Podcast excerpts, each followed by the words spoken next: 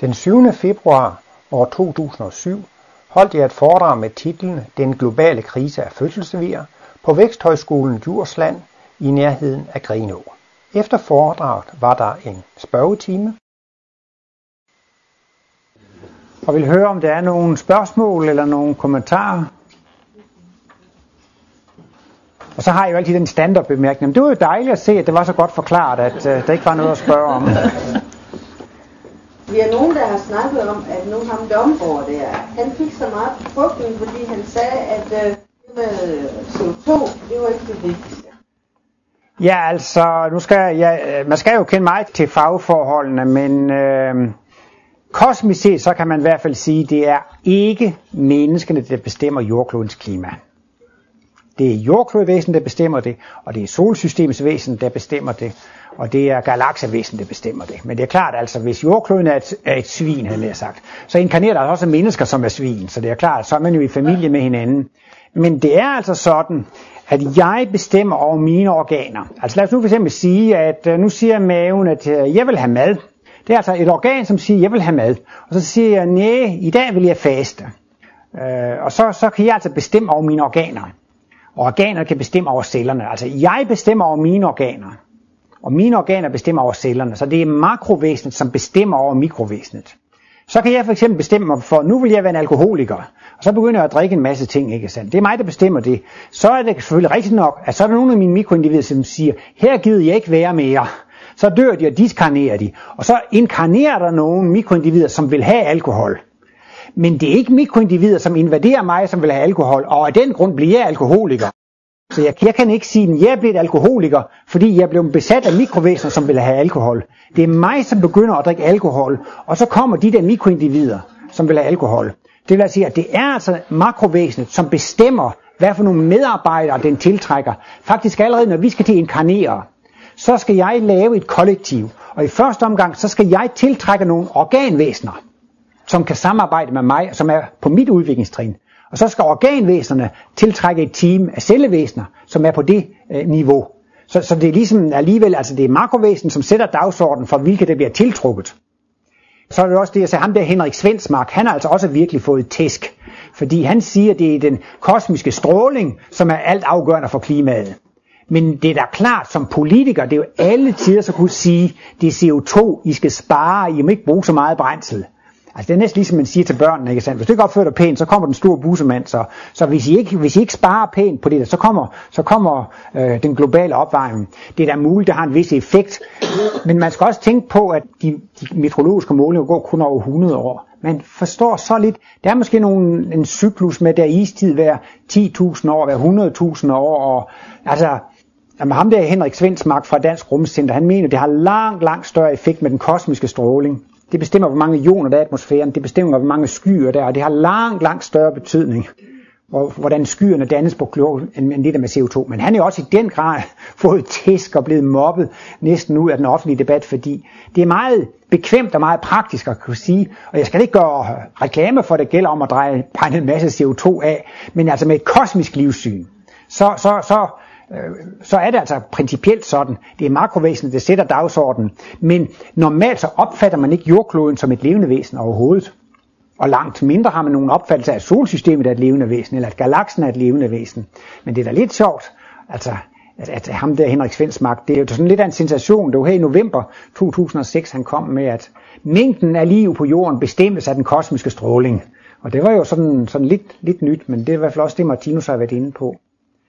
Det er også bare lige en parentes. Martinus siger også altså, at magnetiske storme på solen har stor betydning for livet her på jordkloden. Han er ligefrem inde på, at mennesker, som har dårligt hjerte og folk, som er nervøse, kan enten få hjerteanfald eller få hovedpine eller sådan noget, som skyldes Altså når de her øh, ioner og atomer, de, de accelereres op, så kommer der nogle magnetiske storme, som faktisk har indflydelse på livet her på jorden. Så, så det er Martinus i hvert fald meget inde på, altså at, selv så fjernt et væsen som solen har stor, som levende væsen har, har betydning for, hvordan det her, og jordkloden har også. Man kan også sige, at som en analogi, hvis jeg nu lever forkert på en eller anden måde, jeg kommer ud af balance og så videre, så bliver jeg syg, jeg får feber. Så, så sker der noget med, Martinus siger altså, det har noget at gøre med, hvordan jeg regulerer mine energier, og de kan komme i en sådan ubalance, at jeg får feber. Og det skyldes altså en fejl i min bevidsthed. Og der kan man også analogt med at sige, at det er muligt, at jordkloden er ved at få lidt feber. Altså hvis nu det virkelig bliver varmere, og det har skadelige virkninger i form af tørker og regn og vand stiger i haven, altså det er meget ulykkeligt, ikke? Så må man sige, så er jordkloden blevet lidt syg.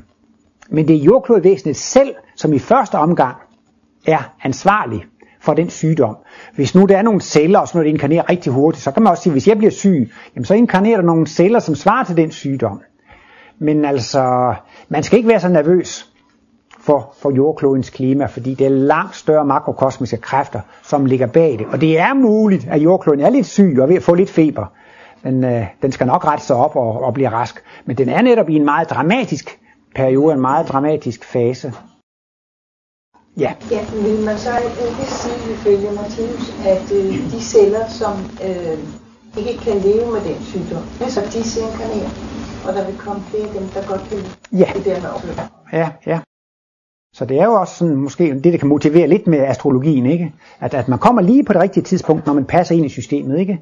Og hvis det system ikke passer, jamen så må man, så må man inkarnere det system, som passer til mig. Men man kan godt være på den samme planet flere liv i træk. Det, det kan komme på tale, at de mest primitive på et tidspunkt ikke kan følge med her. Hvis der er nogen, der er jo også mange indianere i regnskoven, som er blevet udryddet mere eller mindre. Men de står måske over for at have brug for måske 5 eller 10 inkarnationer mere i naturtilstand. Så er det jo sådan næsten bedre, at de bliver udryddet her, eller holder flyttet af, og kommer på en planet, hvor de kan få flere liv i øh, naturtilstand. Og Martinus har også været inde på, at i tidligere udviklingsfaser her på jordkloden har der været højt udviklede mennesker. De er jo så langt foran deres samtid. Og de kunne ikke få nogen højere åndelig vejledning her. Så var de nødt til at inkarnere på andre øh, kloder for at få en højere udvikling. Så det er næsten ligesom i anden division. Nogle de kan rykke op i første division, og man kan rykke ned i tredje division. Altså livet, det, det er jo fleksibelt, så, så, så, så det er muligt begge veje. Og Martinus har netop peget på, før var der ikke den store åndelige viden på kloden, og derfor var de højst udviklet nødtvungne jeg bruger det sådan lidt af sammenligning hjemme fra landet. Af. hvis jeg ikke kom til, til, til provinsbyen, så kunne jeg ikke få realeksamener. Hvis jeg ikke kom derhen, så kunne jeg ikke få studentereksamener. Hvis jeg ikke kom derhen, så kunne jeg ikke... Altså nogle gange så bliver man nødt til at flytte udenbys for at få en højere uddannelse. Og sådan har der faktisk altså også været på kloden her før. Der var nogen, de var nødt til at flytte udenbys for at få en, en højere... Men nu mener Martinus, at der er så meget åndsvidenskab på jordkloden, så nu er det ingen af den grund, der bliver nødt til at flytte til andre planeter. Nu findes al den viden tilgængelig på kloden, som er nødvendig for os for at gå frem mod kosmisk bevidsthed. Martinus han skitserede, at, at udviklingen frem mod det rigtige menneskerige vil tage 3.000 år.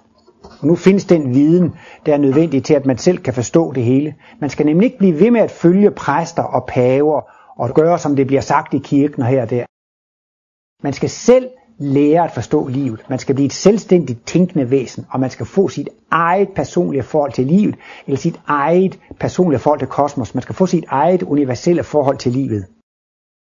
Og øh, det er faktisk det, Martinus vil. Han vil hjælpe mennesker til en selvstændig forståelse af livet og til en selvstændig tænkning. Vi skal ikke tro på nogen, vi skal være skeptiske og vi skal være kritiske.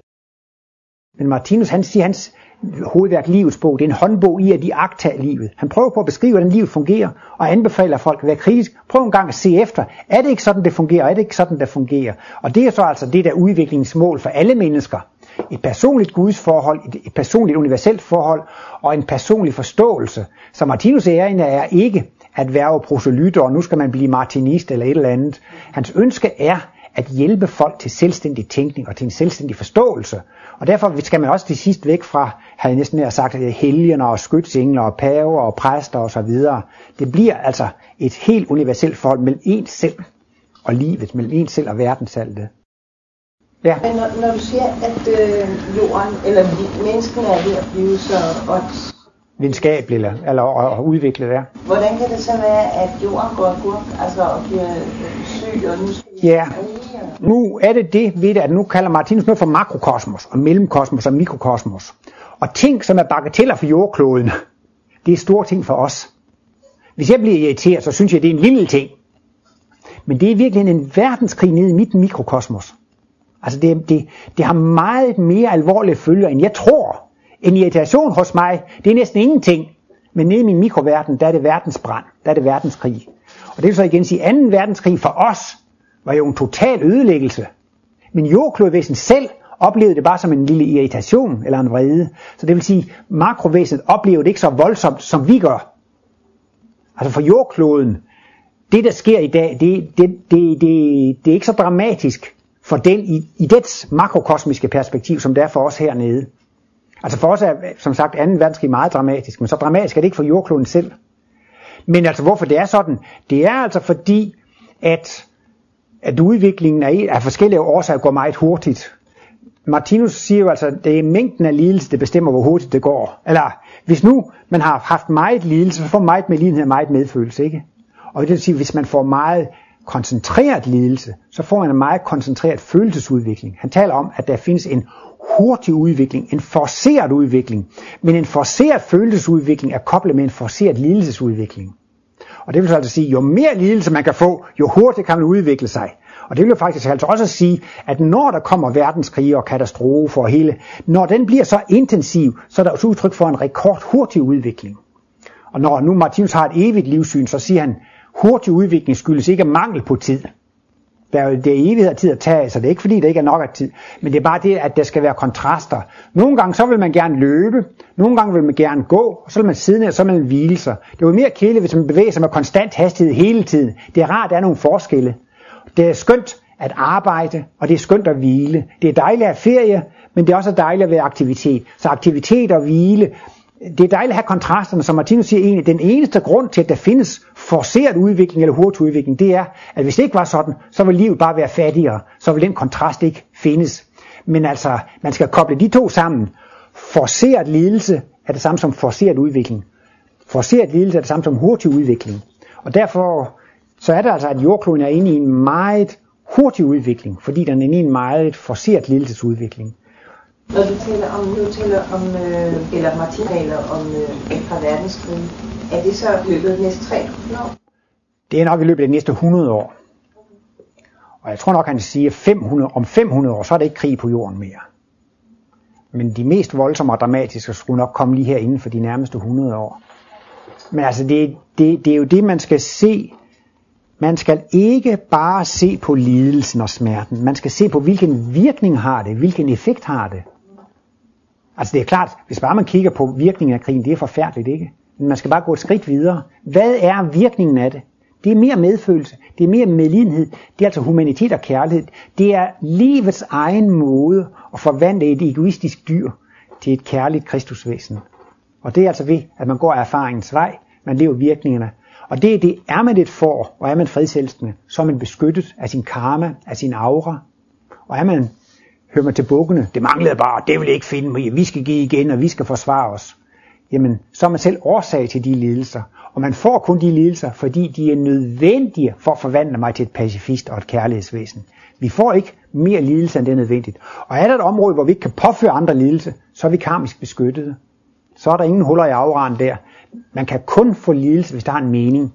Og det, en lidelse har kun mening, så længe man kan lære noget af det. Har man lært det, så er den meningsløst men så er man også beskyttet, så, så er man fri for den der. Så man bliver fri for karma på alle områder, hvor man er færdigudviklet. Der er mange mennesker, de kan ikke slå dyr ihjel, de kan ikke slå mennesker ihjel. Men så kan de ikke få lidelse på det område, så er de færdige der. Du har markeret et godt stykke tid der. Jamen, det er jo fordi, jeg kom til at tænke på, da du sagde, at Martinus sagde, at bøn og med, eller meditation ikke kunne hjælpe andre, fordi de skulle selv gennemgå lidelsen. Ikke? Og så tænker jeg på, at når vi som skole tager, ud og mediterer, har jeg opfattet at det er ikke fordi, vi skal tage lidelsen fra de mennesker, men vi skal, men ved at sætte lys til sted, så får de mulighed for at løfte Ja, men jeg vil godt lige prøve så at gentage det, jeg siger. Jamen det kan være, at jeg misforstået det. Ja, sådan delvis. Ja. Altså, Martinus anbefaler i den grad forbøn. Er det det, du med? Ja, det, det kan du sige meditere eller tænke okay. på andre. Forbøn. For, forbøn. Det giver kraft og styrke og energi. Det er så velsignelsesrigt, så det er kærlighed, ikke? Men pointen er, at man kan ikke flytte andre menneskers udviklingstrin med forbøn og med meditation. Altså man kan ikke flytte andres udviklingstrin. Altså man kan hjælpe folk. De kan få kraft og styrke og energi til at løse deres problemer. Men man kan ikke løse andre menneskers problemer. Og man kan heller ikke løfte deres udviklingstrin. Det er også tit, forældre vil også gerne løfte deres børns udviklingstrin, men nogle gange så er børnene nødt til at gøre, gøre de dumheder. Så jeg bare, bare du vil skælne mellem det, at man kan grundlæggende ikke give andre mennesker et højere udviklingstrin eller nogle erfaringer, men man kan give dem kraft og styrke og energi til at stå situationen ud og til at gå igennem de smerter og lidelser. Så, så, så det er jo meget, meget, meget værdifuldt, og det er måske også meget værdifuldt for ens egen udvikling, at man beder for andre. Det stimulerer ens egen kærlighedsudvikling, og det stimulerer ens koncentrationsevne, som også er nødvendig for at, at blive geni på alle mulige områder. Det er også en god ting at kunne koncentrere sig, og det hjælper også til at koncentrere sig, når, når man beder for andre. Så forbøn, det er absolut noget, det kan anbefales, men du kan ikke lave en abe om til et menneske.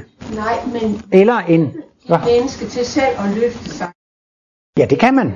Ja, ja. Man, Og kan, på den måde hjælper man jo alligevel til, at de kan udvikle sig. man hjælper dem til at gå vejen, men de skal selv gå vejen. Man kan ikke gå vejen for andre, men man kan give dem hjælp til at gå vejen. Ja, ja det kan være en hjælp til, at de andre kan gå vejen. Jeg havde lige et andet spørgsmål, og det var, at Martinus siger, at vi får en tredje verdenskrig, eller flere. Og der er der jo mange klaveriante, der fra 80'erne har sagt, altså allerede fra 83 har sagt, at vi får ikke, der er sket så meget Ja. udvikling og lys på jorden, at vi ikke vil få verdenskrig. Øh, Ja, man kan jo så, så jo også aflyse diskussionen og sige, så får vi se, hvad der sker. Men,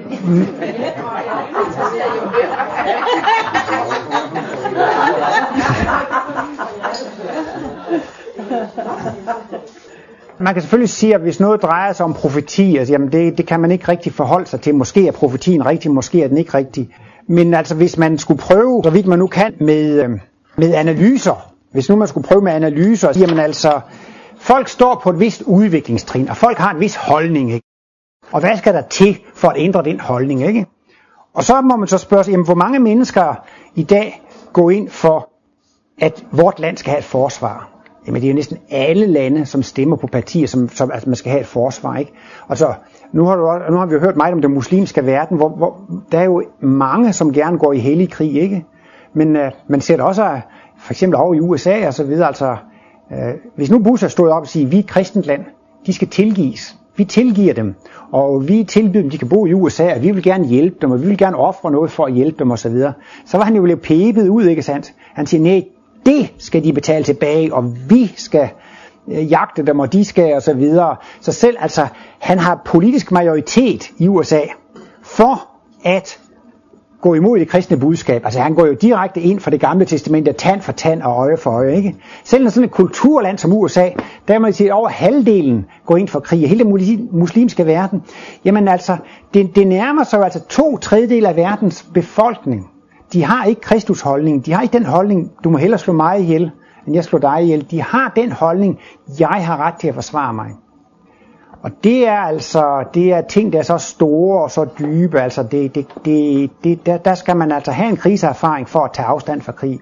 Der er sket så mange ting og så videre, men det der grundlæggende for, for folk til at tage afstand fra krig, det er oplevelse af krigshelvede. Der har været lidt krigshelvede her og der, men det har kun været nogle få hundredtusind, måske et par millioner, der har været berørt af det.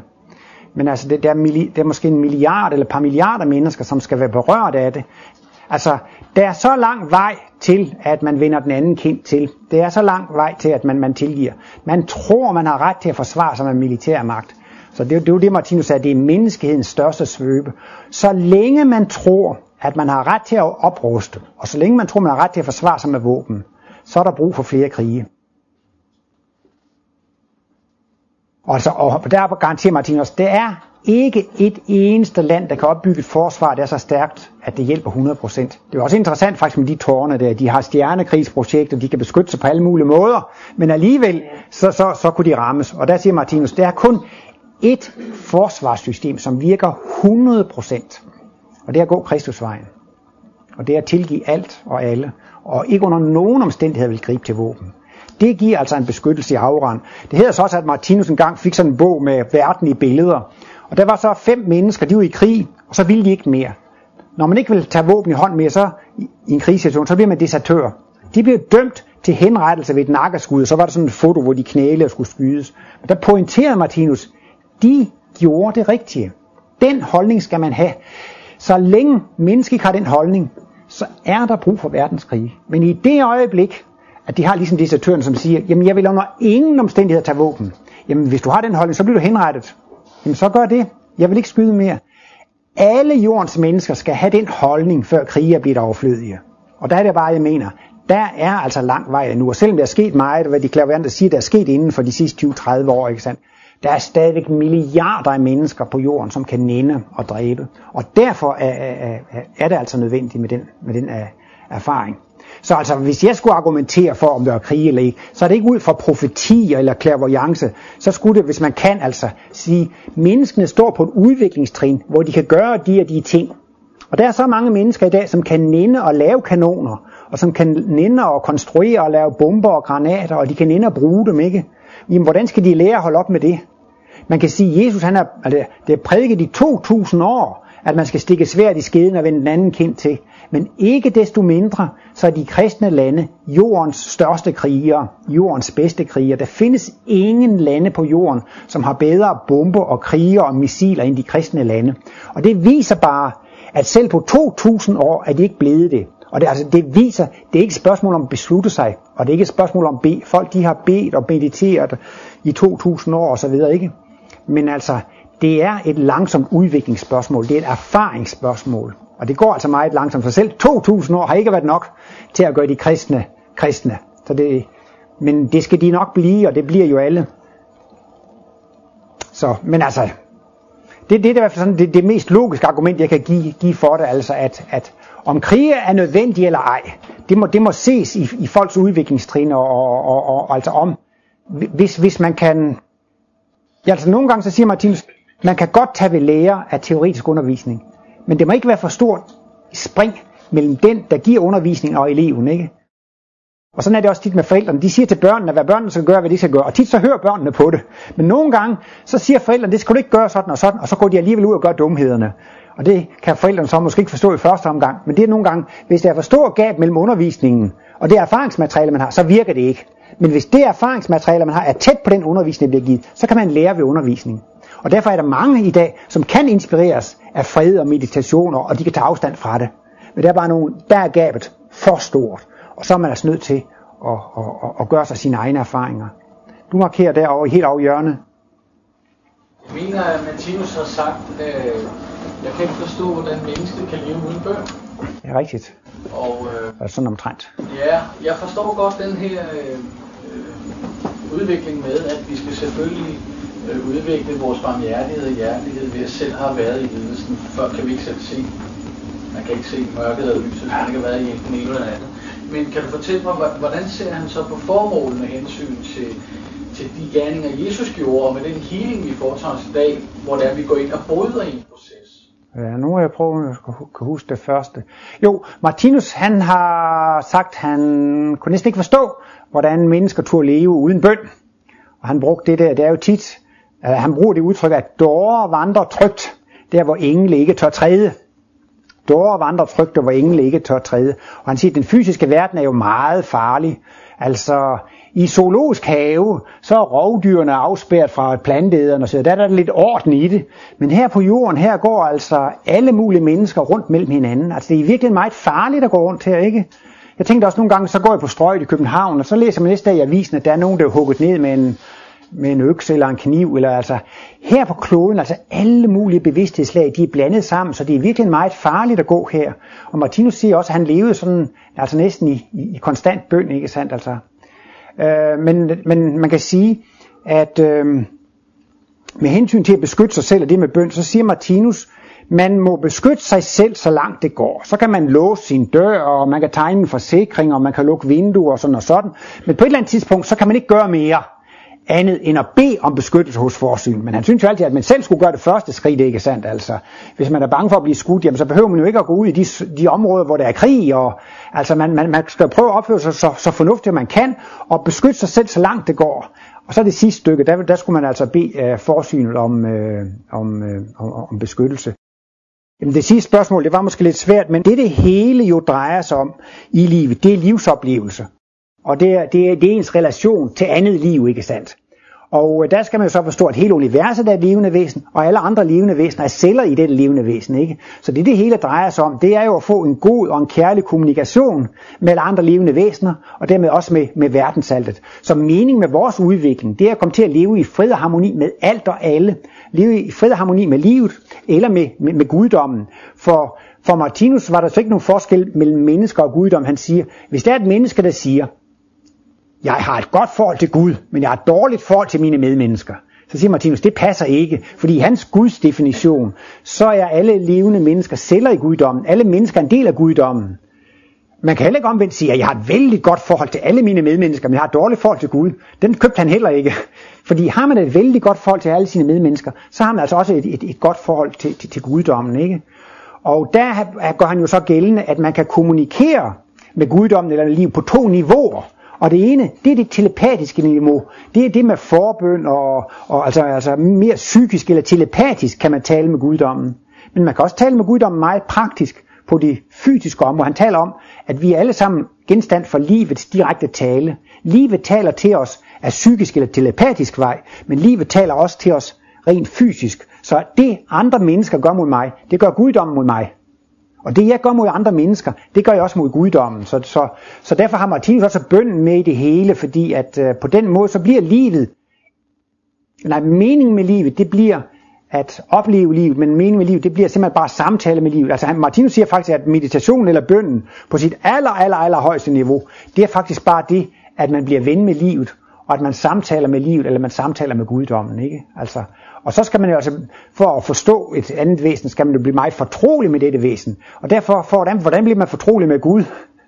Jamen så skal man jo vende sig til at se Gud i alting, og man skal måske have mange liv, hvor man gradvist optræner sig til at se Gud i alle, i alle planter, i alle dyr, i alle mennesker. Det, det er også en udviklingsproces at vende sig til at se Gud i alt liv, ikke sandt? Og det er også en udviklingsproces at vende sig med at sige, der er fjender, der er uvenner. Det er Gud alt sammen. Det er livet alt sammen. Og det er også en vældig proces. Fordi indtil nu, så har mennesket delt det venner og fjender. Dem, der er for mig, og dem, der er imod mig. Og det er jo det, man kan sige, klassisk set, så har mennesket et dualistisk syn med Gud og djævlen, det er ondt og godt. Og det er jo en vældig proces at lære at forstå, at det onde er i virkeligheden godt. At det er, det er Guds undervisning og opdragelse i mørket. Og det er jo noget, der tager lang tid at ændre. Vi har, altså, vi har i tusindvis af liv delt venner og fjender og Gud og djævel. Altså vi har tænkt sort-hvidt. Og vi skal til sidst lære at tænke helt hvidt og se alt er udtryk for en universel kærlighed. Alt er udtryk for Guds kærlighed. Det er en vældig lang proces. Og der kan man så i det små gøre. Der var en, han skældte mod, han ubehagelig over for mig. Nå ja, men det er jo min karma. Det er noget, der hjælper mig frem i udviklingen. Og han er i virkeligheden min medhjælper. Og det er Gud, der fortæller det igennem ham og så videre. Der, der kommer man altså ind i nogle, nogle trænings- og nogle øvelsesprocesser, ikke? Men altså, meningen med udviklingen er også at få kosmisk bevidsthed. Altså blive indvidet for kosmisk bevidsthed. Men at få kosmisk bevidsthed, det vil også sige at få Guds bevidsthed. Blive indvidet i Guds bevidsthed. Blive et med Gud. Og derfor kan man også godt forstå, at Martinus siger, jeg, kan ikke, jeg forstår ikke, at mennesker tør være til uden bøn, fordi for Martinus betyder bøn samtale med Gud, kommunikation med, med, med guddommen, ikke sandt? Så det er jo, og man kan jo sige, at, at der sker jo ikke stor spring i udviklingen, men, men i og med, at man går mere ind i de her åndelige tanker og ser Gud i det hele og udvikler sig, så, så, så, så får man også på et teoretisk plan efterhånden en teoretisk kosmisk bevidsthed, en teoretisk gudsbevidsthed. Og så bliver den der åbnet for det. Og så får man den helt store bevidsthedsudvidelse og bliver kosmisk bevidst. Men det er noget, man gradvist har trænet sig op til at se, se liv på den måde. Som, som målet med livet her i den fysiske verden, det er jo at blive bevidst i Guds bevidsthed. Vil det så sige, at mennesker, der bliver helbredt for blindhed eller døvhed under healing eller under bøn, at det er mennesker, der øh, rent udviklingsmæssigt er nået til det stadie, hvor de kan modtage det? Fordi... Ja, det kan både være ja og nej. Øh, altså man skal hjælpe mennesker på alle de punkter, man kan, og man skal hjælpe sin næste osv. Og øh, Martinus mener, at alt sygdom skyldes fejltænkning i den sidste ende. Alt sygdom skyldes mangel på kærlighed, og det skyldes fejltænkning. Ikke? Og så er man så blevet syg, og så skal man da bare gå til læge og til sygehus og, og gå til healer, og så bliver man rask. Men så er sagen bare den, hvis man fortsætter med at gøre den ting, som har fremkaldt sygdommen, så har man bare fået udsættelse. Men hvis man holder op med at gøre den fejl, som har fremkaldt sygdommen, så er det jo en permanent helbredelse. Men uanset om den er permanent eller ikke permanent, man skal da hjælpe mennesker overalt. Ellers kan man sige, åh ja, men lidelse, det er jo det, der bringer os frem i udviklingen, så lad bare ham lide lidt mere, så kommer han hurtigere frem i udviklingen. Altså, man skal hjælpe sig selv og hjælpe andre alle de steder, hvor, hvor, hvor, hvor man kan. Og så må man lade det op, være op til livet. Altså, kan man, kan man med mirakuløs helbrede et andet menneske, så skal man da bare gøre det. Og så vil det så vise sig, hvis det menneske så har lært noget af det og holder op med det, så er det da guddommeligt. Og, og hvis, det, hvis det fortsætter med at gøre den fejl, som har fremkaldt sygdommen, så vil det jo formentlig få tilbagefald, ikke? Og så vil det så lære, at det har gjort en, en fejl. Ja. Du var så energisk før med et spørgsmål. Det, fordi inden for buddhismen, der er en meget vigtig bøn. Den går jo ud på at øh, vide om, at alle følende væsener må blive befriet for deres lidelser. Så det vil måske i virkeligheden, altså inden for... Jo, det er jo det er da rigtigt nok. Det er da rigtigt nok. Altså det er jo det samme. Det er jo da det samme som at, at gå i forbøn og ønske alt godt for andre, ikke? Og det er godt for de andre. Altså Martinus taler jo meget om tankens magt, og han taler om sort og hvid magi. Og det er klart, at ønsker man andre godt og går i forbund for dem og ønsker dem, det er, det er hvid magi. Og det ytrer sig faktisk ligesom skæbnebue eller energibuer. Der går simpelthen en, en lys energibue fra den, der beder og tænker positivt for den anden. Og jeg tror også, det er godt for en selv at beskæftige sig med lys og kærlige ting, så det stimulerer faktisk ens egen koncentrationsevne og ens egen udvikling, og det er hvid magi. Og omvendt, hvis man har fjender og sur og vred på andre mennesker, så er det faktisk en sort magi. Og der udsender man altså også en negativ energi på andre. Men Martinus siger så i øvrigt, at hvis man er meget vred på andre, så ødelægger man sig selv, inden man ødelægger sin fjende. Fordi altså, så får jeg de her vrede tanker, og de skal igennem mit egen psyke, og de skal gå igennem min egen krop. Og, og, og det virker ødelæggende på min egen sundhed at blive vred. Og derefter virker det også ødelæggende på den anden. Men det er så erfaringer, man, man er nødt til at, at, at have med. Så det er også en meget, tanker virker ind på samme måde, sådan set, uanset om de er hvide eller sorte. Altså Martinus siger på en måde, er det ikke forskel på hvid og sort magi. Det er simpelthen bare det, det man tænker, det virker. Det virker på andre. Og derfor har vi, altså når vi kommer fra dyreriget, så er det jo en kolossal træning og øvelse, vi skal have i at tænke positivt og ønske godt for andre og bede for andre. Og, og til en vis grad er det jo nemt nok at bede for, at ens, bede for ens gode venner, familiemedlemmer, som er syge osv. Men det bliver jo sværere at bede for dem, der er vores fjender eller uvenner, dem vi er irriteret over. Men det var jo så netop også det, der var så suverænt i Jesu lære, ikke? At man skal velsigne dem, der forbander en. Og, og Martinus siger, hvis man virkelig vil lave nogle mentale øvelser, der rykker, han anbefaler sådan set ikke mentale øvelser, eller yogaøvelser, eller træning, men han blev konfronteret med det så tit. Hvad er din metode, Martinus? Hvad er din teknik? Fordi der er så meget i Østerlandet, som har meditation og yoga, altså træning og øvelser. Så det sidste, så blev Martinus altså klar over, så blev han nødt til at, at lave et, eller øh, give et svar på det. Så sagde han, den højeste form for yoga, det er at bede for sine fjender. Altså det, der, der er ingen hurtigere vej til, til kosmisk bevidsthed og indvielsen, end at bede for sine fjender. Altså, vil, altså simpelthen at gøre alt det, Jesus sagde, ikke sandt? Det, øh, men det er udmærket at bede for sine venner og sine familiemedlemmer, og det er velsignelsesrigt, og det er godt.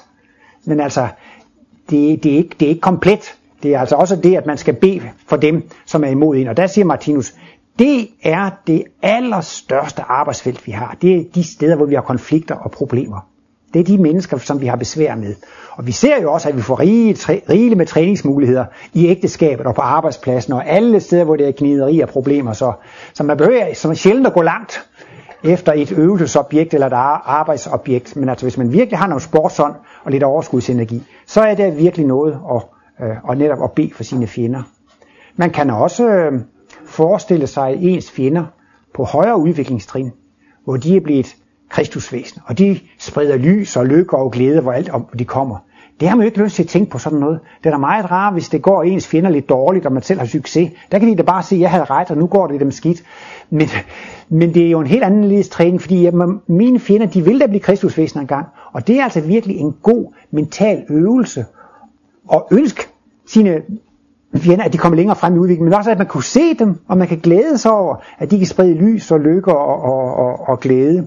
Man kan også bede for sine fjender om, at de må få kraft og styrke og energi til at tage deres hårde karma, når den kommer. Og de er været så stykke mod mig, så får de i hvert fald også selv en styk karma. Men så kan man så bede om, at de må få kraft og styrke og energi til at udstå den karma. Og kosmisk set, så burde man lige frem i sin bøn takke sine fjender, for, eller uvenner, for det de har gjort. For det er det, der forvandler mig til et kristusvæsen. De er simpelthen så ædle, mine fjender og uvenner. De påtager sig en dårlig karma, bare for at forvandle mig til et kristusvæsen. Er det ikke ædelt? Det er der virkelig. Så det er altså rent intellektuelt, så har man al mulig grund og logik til at takke sine fjender for det, de gør. Og det er altså virkelig nogle, nogle tanker, som flytter noget. Man får mere livsløst, og man får mere livskraft og glæde ved livet. Og omvendt siger Martinus, det der røver livsmodet og livskraften, det er det, at man er sur og vred på andre mennesker. Han taler altså også om unaturlig træthed, som skyldes martyriumstanker. Og det hænger altså sammen med, at man føler sig uretfærdigt behandlet. Det er de andres skyld. Det er de andres fejl. Det er min ægtefælle, som er skyld i det. Det er mine børn, som er skyld i det. Det, det er skoleforstanderen, som er skyld i det. Det er, det er vejr, det er kommunisterne, det er indvandrerne. Altså, man kan altid finde årsagen derude. Og det er jo det, der er så mærkeligt som med åndsvidenskaben, ikke? At når man begynder at forstå det, at de energier, man sender ud, kommer tilbage, det er aldrig de andre, som er årsag til det. Det er mig selv. Jeg synes også, det var så morsomt, at jeg så Dalai Lama i en fjernsynsudsendelse, som skulle forklare det samme. Han sagde altid, finger, finger this way, finger not, finger not this way, finger this way. Og det han mente med det, det er altså, det er så nemt at se fejlen derude hele tiden. Ikke? Men når man gør det, det er tanker, som dræner livskraftbatterierne. Det er negative tanker, og det er det, der i dag er årsag til unaturlig træthed og udbrændthed. Og det er også, at man kan sige, med et materialistisk livssyn, så er det jo fuldstændig meningsløst og tilfældigt, at jeg har besværligheder og modgang. Og derfor er det faktisk også mange materialister, som har et meget svagt, skal man sige, åndeligt ståsted, som faktisk altså kommer nemt til at lide af depression og, og nedtrykthed, fordi de, de kan slet ikke se nogen mening i det. Og der kan man med gammeldags religion få en mening i det. Det er Guds vilje, det. Men det er nok til, at det kan stive en af. Men altså også åndsvidenskabeligt set, så kan det også virkelig hjælpe en til at se, at der er jo mening med smerten og lidelse. Så kan man tåle det, så kan man stå ud med det. Så får man altså mere, mere kraft og, øh, og, og, og energi. Ja. Jeg har to spørgsmål. Det er, altså er alt sygdom, det er så tegn på en form for bevidsthedsmangel? Ja, kan man sige. Og skal man takke for uheld? Ja, det skal man da det her med, at, at, øh, at vi måske i fremtiden øh, ikke vil have mulighed for at glide noget vand og slå hovedet i flisen og brække nakken, fordi jo. bevidste, eller, eller jo. er det? Jo, der... Så sker det Det er altid så svært at spørge om to ting, så lige med at huske det første. Okay. Det første, det var... Er alt sygdom... Øh... Ja, det, uh, ja, det lyder måske meget hårdt, men altså... Øh, der er jo forskellige niveauer. Man kan jo sige, altså i det øjeblik, man er sur og vred og irriteret på andre, så har man jo mangel på kærlighed til dem derude, ikke? Og, og, og det, det virker ødelæggende. Men man kan også sige, hvis man øh, måske drikker alkohol og tobak og nar- øh, narkotika osv., så, så har man ikke kærlighed til sine mikrovæsener. Altså man, man forurener sin organisme med, med forkert medicin og med madmisbrug og så videre. Det er mangel på kærlighed til, til, til mikroverdenen. Så, så på sådan en meget generelt principielt plan, ja, så er altså al sygdom mangel på kærlighed. Og derfor er det jo også, det der får de her mikropartikler ud af banen, det er mangel på kærlighed. Og så bliver det selvfølgelig modsat. Det der får det på plads, det er kærlighed. Og derfor er al healing også baseret på kærlighed. Altså, så det, det, der ligesom sætter tingene på plads, det er kærlighed. Og det, og det der får tingene øh, ud af banen, det, det er altså det er mangel på kærlighed. Jo, øh, Martinus han sagde jo selv sådan lidt humoristisk, jamen hvis jeg, jeg får våde fødder og så videre, så, så bliver jeg også forkølet ligesom alle andre. Jeg er jo ikke nogen undtagelse, altså og går man på mødingen, så bliver man snavset, og går man i vand, så bliver man våd. Altså når man lever i en fysisk verden, så er man jo så underkastet visse for, forskellige fysiske omstændigheder, som, som man er nødt til at affinde sig med. Men han har faktisk snittet den der problemstilling. Hvad nu, hvis man er i fuldkommen væsen og så videre, det er alligevel glat og fedt, men man, man, man, man, man falder og slår sig. Så skulle han engang have sagt, jamen altså, hvis nu vi sådan en uheld brækkede armen, ikke? så skulle man altså selv være så høj åndelig udviklet, så sætter man lige armen på plads, og så stryger man det lige i orden, og så, så har man altså helbredt sig selv med, med høj og åndelig magi. Så det har en sådan, det står ikke i hovedværkerne, men altså det skulle være løsningen på det problem, du har der. Altså for sådan at forstå, jeg er et fuldkomment menneske, ikke? Men alligevel i en fysisk krop, og alligevel så underkastet den fysiske verdens betingelser.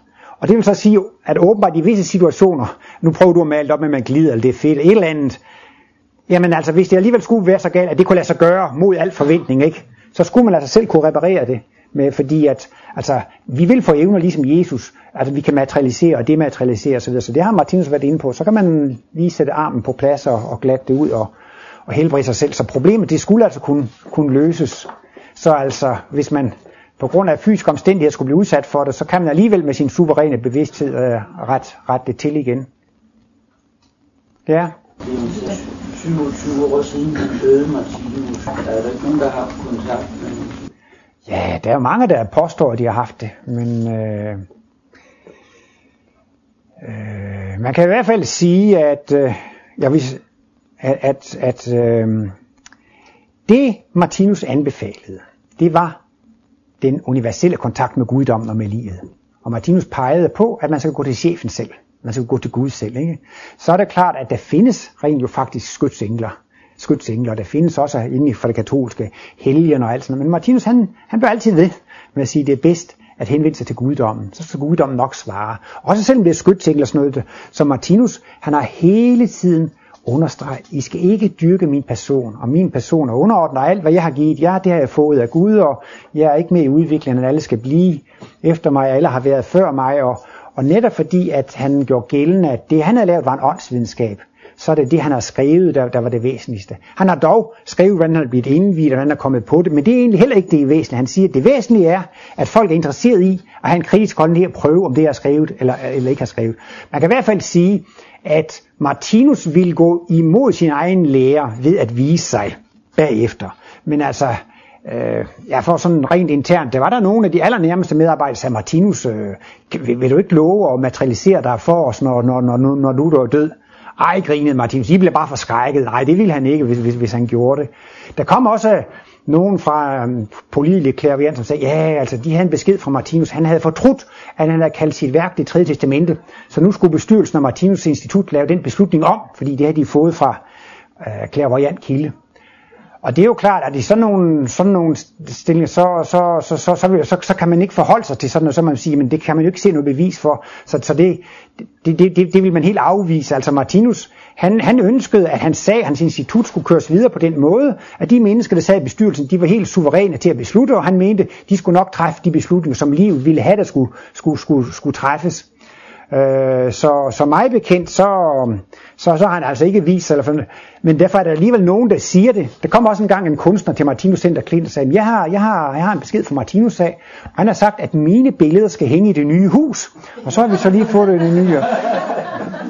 Og jo, så, og så fik man så dikteret noget af det, han har sagt.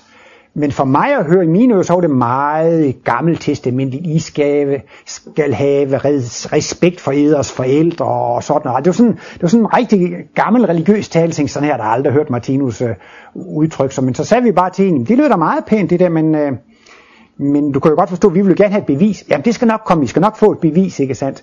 Men altså, øh, så kan man også sige, at så, så kunne hele Martinus-sagen nu blive kørt og besluttet af ting, som kom fra mere eller mindre pålidelige kilder. Altså, hvordan kan man vide, hvornår det er pålideligt og, og, og, og, og, ikke pålideligt? Fordi Martinus mener, at øh, man kan få høj psykisk viden fra den åndelige verden, men han mener også godt, at man kan komme i kontakt med nye afdøde sjæle.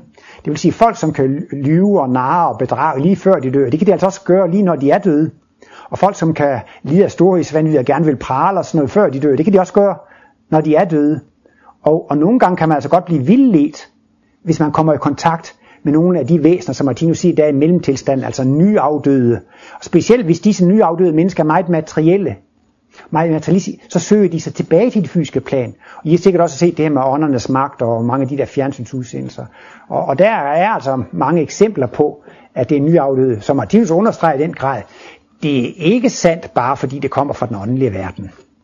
Altså der kan komme meget materiale fra, fra de lavere astrale planer, fra nye, nye afdøde, så, så man skal ikke nødvendigvis øh, tro på det. Men derfor kan det godt være mange, mange, øh, mange mennesker, de siger, jeg har drømt om Martinus, eller de har tænkt på Martinus, eller de er født, de har mødt ham i tankerne osv. Og det vil, jeg da, det vil jeg da ikke udelukke. Det må der også være mange mennesker, der har mødt Kristus. De har talt med Kristus og været meget indstillet på mig. De, de har mødt ham personligt. Men, men man kan, du spurgte, der er nogen, altså inden for Martinus sagen, eller inden for instituttet og undervisningen, der kan man ikke forholde sig til, hvad andre har oplevet. Men hvis nogen selv føler, de har oplevet, så er det jo en stor værdi for dem, og, og en stor velsignelse for dem. Men sådan, hvad skal man sige, sådan officielt og udadtil, så kan man jo ikke øh, forholde sig til, men jeg har da hørt flere medarbejdere, som synes, at, at der fik de en inspiration. Det må være Martinus, som har givet mig den inspiration, eller de har drømt om ham, eller, eller, eller sådan. Men øh, det Martinus stræber efter, det er, at når man har den rigtige moral, og den rigtige indstilling, og det rigtige gudsforhold, så vil man få de rigtige svar intuitivt. Og så får man dem direkte ind i sin egen bevidsthed, uden det behøver at være mellemmænd, som Martinus har jo aldrig anbefalet i og for sig, at man skulle gå, om man så må sige, efter mellemmanden. Og i og for sig heller ikke, altså, at man skulle bede til Jesus. Det, han siger, han kan lige så godt bede, bede til Gud, og man skal ikke bede til Martinus, man, man kan lige så godt bede, bede, bede, bede til Gud. Ja. Det er jo 27 år siden, jeg skal nok. Nej, nej. Kom der. 27 år siden han døde. Ja. Og, og du siger, at han sagt noget med verdenskrig og sådan noget. Men der, altså, når det så længe siden han døde, der, mennesket har jo også en fri vilje. Det må jo også have spillet ind i de syv år, der er Men det er så igen, jeg siger, man kan ikke flytte sit udviklingstrin med vilje. Så siger jeg, Ole, nu vil jeg være en engel. Men altså, det tager altså et par tusind år inden jeg bliver en engel. Altså man kan ikke beslutte sig. Hvis man kunne det, så havde de kristne allerede været, været, været der er jo prædiket kærlighed inden for kristendom, som jeg siger, 2000 år, så har de kristne ville være kærlige. De, de har ville være det, og de har bedt og trylle til Jesus og Gud, og de ville være kærlige.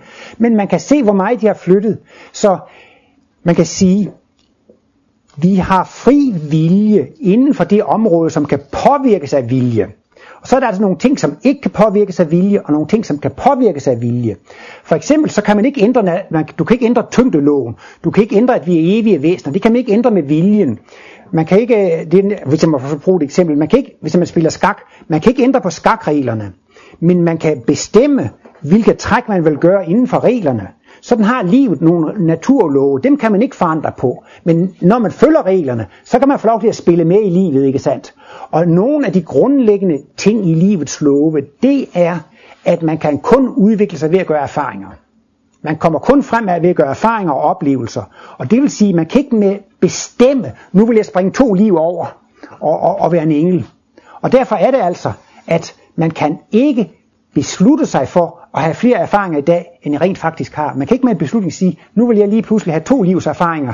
I morgen, når jeg vågner op, så vil jeg have to livs erfaringer, selvom jeg kun har sovet her om natten. Så ja, vi har fri vilje, som sagt inden for de områder, som er påvirkbare af vilje, men der findes bare nogle områder, de kan slet ikke påvirkes af vilje. Det at jeg eksisterer, jeg kan ikke sige, at jeg vil ikke eksistere. Du kommer ind på rigtigt og forkert hele tiden, rigtigt og forkert, rigtigt og forkert, og det er der, jeg lige sådan siger, Ja, ja. den kan jeg ikke rigtig være med til. Altså, for mig er der ikke noget rigtigt og forkert. For mig er der ikke en guddom, der deler noget som helst i rigtigt og forkert. Nej, altså der findes jo to niveauer. Martinus siger jo, at alt er så godt, og så er alt jo rigtigt. Men, men, men, men, men man kan sige på et andet niveau, enten så handler man med kærlighedsloven, eller så handler man imod kærlighedsloven. Og man må da gerne handle imod kærlighedsloven, altså det er ok, men altså på et niveau kan man sige, man gør det rigtige, når man handler med kærlighedsloven, og man gør noget forkert, når man handler imod kærlighedsloven. Men så er det bare det, at det forkerte er alligevel inkluderet i Guds plan, og det er så godt, at vi kan få lov til at gøre det. Så altså, det kommer an på, hvordan man definerer tingene. Altså, ud fra en synsvinkel, så er alt så godt. Men ud fra en anden synsvinkel, så når man gør det rigtige, altså er til gavn, glæde og velsignelse for levende væsener, så handler man efter livsloven. Og når man så hvad hedder, myrder og stjæler og røver og banker osv., på et vist niveau, så handler man jo mod kærlighedsloven. Men altså, det er jo godt nok så på et andet niveau, at man gør det, fordi de skulle have deres karma, og det var nødvendige udvikling osv. Og det er så derfor, Martinus han prøver på at, at kort problemet det at sige, at der er noget behageligt godt og noget ubehageligt godt. Og så kan man altså sige, at når man gør noget ubehageligt, gør man jo på et vist niveau noget forkert. Men det er jo bare med at definere, hvad det er, er rigtigt og hvad det er forkert. For i bunden siger Martinus, at alt er så godt. Og hvis alt er så godt, så er det jo ikke noget, der er forkert. Så jeg tror bare, det handler om at definere ordene. Hvad, hvad er rigtigt og hvad er forkert. Men prøv lige det sidste her, ikke? Altså, du sagde så smukt, at man kunne bede, eller man kunne se sine fjender som fuldkommende og i et Ja. positivt Ja. lys. Ja. Hvis man også kunne se alle de mennesker, som du påstår vil stjæle og er forkert, øh, på en anden måde, så ville det jo aldrig ske, hvis vi alle sammen så dem som positive og givende og ikke stjælende eller slående ihjel. Ikke? Ja, altså jeg kan godt se din pointe i det, men hvis nu for eksempel man har et samfund, og man kan se, at folk er på en udviklingsskala, og dem der er længst nede, for dem er det naturligt at stjæle. Det kan være nogle mennesker, de er altså på et trin i naturen, hvor man simpelthen bare stjæler, hvis man har lyst til det, ikke sandt? Så kan man have en negativ og en positiv forventning til deres, men det forandrer ikke deres udviklingstrin. Jo, hvis man alle sammen... Jamen okay, så er det det samme som med meditationen. Ja, At, hvis, man, hvis man alle sammen så på det menneske, øh, og så det på en anden måde, så vil man hjælpe det menneske meget hurtigere, end man vil låse sin dør. Jo, men det er så igen det samme problem, som vi har været inde på hele aftenen, hvor jeg prøver på at skille imellem, man kan gå i forbøn for andre, men man kan ikke flytte deres udviklingstrin. Og det vil så også igen sige, at man kan have de bedste og de fineste tanker, og det er lige så godt som at gå i forbøn. Men grundlæggende, så kan man ikke ændre en abes udviklingstrin, en løves udviklingstrin, et, et primitivt naturmenneskes udviklingstrin. Og for dem, der findes vidderlige mennesker, de er på et trin, hvor det er naturligt at stjæle. Altså, og det kan man ikke flytte, selvom man har de mest, selvom der er nok så mange højt udviklede mennesker, de har de positive forventninger til dem. De er på det trin. Og så er det altså sådan, at hvis vi skal have et velfungerende verdenssamfund, hvor vi alle sammen skal leve sammen osv., så, så, så bliver det altså faktisk det, at så bliver man nødt til at, at beskytte sig og lukke tingene for, at, at, at de der lidt mere primitive ikke skal ødelægge det for, for hele selskabet.